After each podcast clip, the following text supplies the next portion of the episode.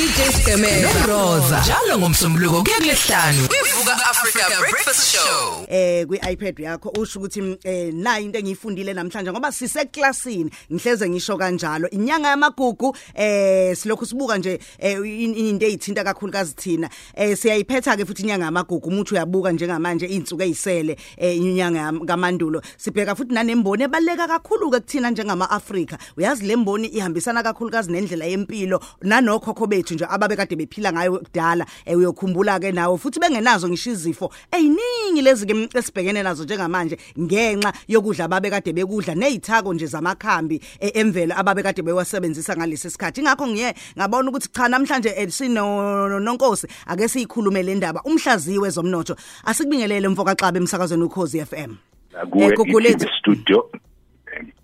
Eh shenge hayi sesiyazwana ke mfowethu sesiyazwana. Okay ngiyabonga kakhulu shenge kuwe nethimba e-studio nabalaleli bokhoze siyabingelela. Mm senge ngithe nje kumdlalelela kancane umlaleli ngisibuka kakhulukazi indlela esiphila ngayo manje izifo esibhekene nazo yithako ekudleni esikudlayo nani nani. Esuma siyabuka sifunda ngabantu ngokhokho bethu sithola ukuthi bona hayi imizimba yabo yayiqinile futhi babengagula guli nje noma kanjani mhlambe ke imboni yamakhambe emvelo ake sibheke nje la ama medical herbs eh ake siqale mhlambe ke ngokubheka ukuthi eh ubukhulu bayo nje lemboni la eAfrica kanye nobumqoka bayo futhi la eAfrica mhlambe sibukele ubukhulu bese sibuka nobumqoka bayo. Ngiyabonga kakhulu shenge. Lemboni njengoba usuchaze kahle kakhulu eh imboni okhokho bethu bephila ngayo empeleni cishe u80% wabantu bala eningizimu Afrika.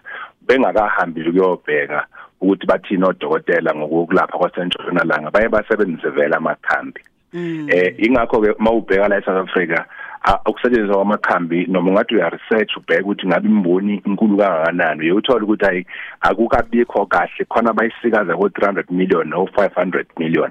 Kodwa thina esisebenza kuyo siye siqonde ukuthi inkulu ukudlula lokho ngoba khona amakhambi amaningi ashushumbiswayo ngoba abantu abawazi ukuthi ubumqoka wabo babo kusho ukuthini.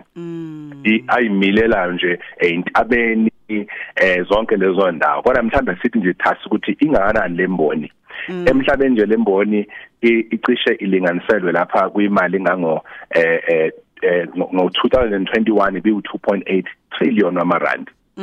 Eh kwase ukuthi ngonyaka odlule biwu 3.2 trillion wamarandi. Ngonyaka ka 2029 ungekudala kusuka manje izobe ila ku 347 billion dollars okuyimali ecishe ongacishe uyilinganise nomnotho wonke waseningizimu Afrika. Ela ku 6.6 trillion noma rand umuyilokhuza uyihlahlela ngokuthi irent to a dollar exchange ingakanani njengamanje. Amazwe amakhulu amabili akhiqiza kakhulu lama medicinal herbs izwe laseNdiya nelasePakistan. U80% wama womkhiqizo abawenzayo bayawudla bona ngokwemizimba yabo.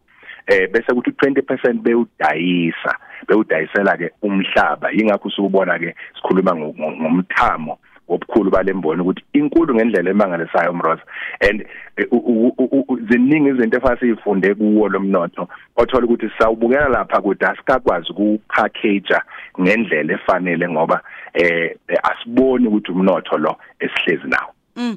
Ngiyabuka nje njengoba ukhuluma indaba yePakistan neIndia ukuthi babantu ngempela abasebenzisa kakhulu lamakhambi ngokuwadla bona kanti futhi nangokuthi mhlambe ke balaphe izifo ezithile nathi besingakwazi ukuyigwema. Ngiyabuka phela ukuthi yonke leyo nto kufuneka imile emhlabathini eh ovundileyo. Uma ubuka njoba sonke uma sithi sibuka komabona kude kuphi kuphi siyalalela kukhalwa ngezikhukhula eh ayilimali nimboni yethu? Yamakhambi kulezi ikhukhula esibhekene nazo? Ngenhlanhla thina mroza asikaze saba nenkinga engako kakhulu ezikhukhula njengoba uthinta lamazwe eh osikhuluma ngawo iIndia nePakistan eh abe nenkinga enkulu yezikhukhula eh kakhulu. Ngalendlela ukuthi kwase kuphazamiseka ukukhiqiza kwawo yonke lemikhiqizo engikhuluma ngayo nobukhulu bawo bathu kwehla nezwe lase-Ukraine njengoba lisazi ukuthi linembe enkulu. Abantu abaningi bebengazi ukuthi i-Ukraine iRussia yiyo esinikeza ukudla okuningi kodwa iyizwe le kude. Kodwa thina lapha sibe sino nomhlaba onothile novundile. Lokhu kuyithuba mroza lokuthi ngenxa yalezi ikhukhula ezenzeke kulamazwe kuke wadisturbeka eh waphazamiseka isupply yalamakhambi ithuba leAfrika leli lonke yonke ukuthi iSouth Africa kakhulukazi ikhiqize bese ivala leso sikhala esivulekile enxa lezikhukhula okhuluma ngaso. Mm njengoba ukhuluma nje mhlawumbe ukhuluma ngamakhambi anjani ngabe sisho inhloboni mhlawumbe yamakhambi njengoba sikhuluma ngawo lamakhambi medicinal herbs. Mroza sikhuluma ngamakhambi kuthiwa yiTageta Geta umansangwane. Hawu. Imbuya. Yo imbuya lo idlayo. Imbuya imfino. Yeah. Unimfino yeah. I turmeric. I turmeric ke yala eAfrica ngokomsinsi ivela khona lapha. Eh iyona futhi engathi kakhulu ihamba phambili ngendlela emangalisayo. Uma ungagoogle lobona ukuthi malini ikilogram le turmeric. Uzomangala mroza ngoba yilapho inkece ilele khona. Ama strawberries mroza, ama strawberries lana angikhulumi ngama strawberries ladliwayo. Eh lokho siyenziwa kunikezwa abantu ne nenkawu kodwa ngikhuluma ngamacembe akhona leaves. Eh imbabazane stinging nettle intshungu lezi zinto zasemakhaya. Imarket yalapha broza iwest eh kakhulu eEurope sebethe abathathe eh yonke lento ekhiqizekayo engikhuluma ngayo bayisebenzise ngoba imizimba yabo bafuna ukuthi iqine ibe kahle eh bayisebenzise futhi kungathi bangasebenzisi lamakhambi uthola ukuthi ama side effects njengamaphilisi esiwaziyo. Yilokho okubonayo uma uhamba ke kulamazwe ekuthiwa awabantu laba base east i-life span yabo ubaphila isikhathi eside ngoba basuke bedla zonke lezi zinto othola thina asazidli manje sadla lokho ucofu sicofuzelayo sonke isikhathi. Mm uyazi nje ukhuluma ngalamakhambi ngiyabuka nje eh ngoba phela maningi nala emarket sinawo amakhambi abadayisi kushuthi inkulu imali eyenzakalayo. Inkulu kakhulu mlwazi imali eyenzakalayo futhi amathuba akulemboni makhulu ngendlela emangalisayo. Namhlanje yikho ngakho ngithe mroza kubalekile ukuthi sikhulume kuqonde. Mhlawumbe uye ubone sihamba njengoba sihambela amazwe omhlaba. Inhloso kakhulu kusuke kuyovula imarket Mm. Oye uthola ukuthi uma sesivulele lezi market abantu bakithi abekho ready. Njoba sesikhuluma ngembuzi nje. Kune kunemcikilisho kumele ukuthi uyigcwalise ufunde ukuqonda kahle ukuthi uma uthatha ukudla ukusa le phesheya akufanele ufike kugulisa abanye abantu noma ukukhiqiza khona la eSouth Africa.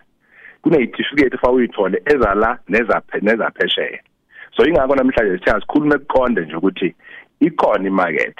Mm. Kodwa kodwa abantu engifuna ukukhuluma nabo mroza namhlanje ilabo abasuke bephethe amandla komasipala nakuma eh, eh provincial eh, departments. Ukuthi mm -hmm. imarket sinayo singabasiza abantu ukuthi bathole ukukhiqiza lemkhiqizo engikhuluma ngayo. Kodwa abafunde kabanzi ukuthi yenzeka kanjani ukuze kwakhiwe ama centers of excellence mm. kwi district nge district lama districts ke sakhuluma ngawo. Ngoba lemkhiqizo eminye imilela nje obala. Ngaphandle ukuthi izitshalo. Kodwa sekufanele ukuthi iqoqweke manje itshalwe ukuze imilele kahle. Eminye ke imila once uyivune for 7 years imile once uyivune for 14 years. Ilokhu imilile nje iyimilela ngokwayo. So ke amathuba khona mroza abantu bengangena kuwona ukuze bayikhulise. Nalabo abaphethe amandla emakhaya eh kohulumeni nama DFIs othala o NEF nabo SIF abafaka imali kule mboni ngoba imboni entsha. Engicabanga ukuthi abantu abamnyama bangakwazi ukuthi bahlomule kakhulu kuyo ukudlula ezinye imboni eseyivele sizazi ukuthi kade zikhona. She Hey ngiyakuzwa. Ay siyabonga kakhulu. Khona okunye besingazi ukuthi kuyadliwa njengawe amacembe lawa ama jingjolo ama strawberries eh wakhuluma nangembabazane. Eh besingazi ukuthi konke lokho ke singakwazi ukuthi sikudle. Mhlawumbe ke uma sifisa ukuthi ke sazi kabanzi ngakho konke lokho khuluma ngakho eh senza kanjani uma sithi operation buyele ekhaya?